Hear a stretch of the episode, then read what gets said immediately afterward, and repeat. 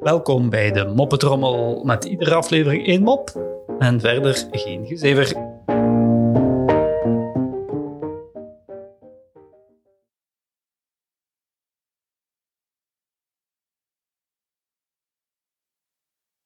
Een oudere priester krijgt bezoek van een jongere collega tijdens het avondeten. Tijdens de maaltijd valt het oog van de jonge priester op de aantrekkelijke huishoudster.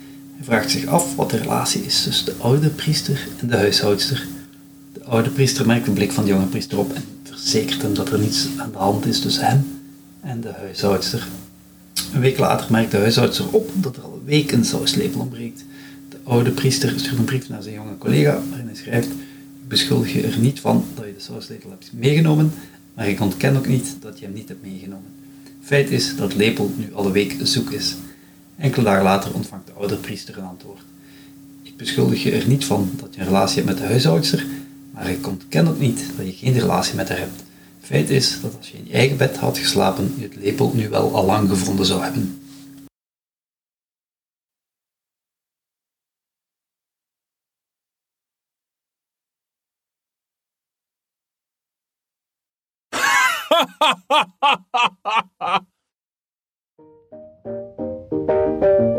Zo, dat was de moppetrommel voor vandaag. En tot morgen.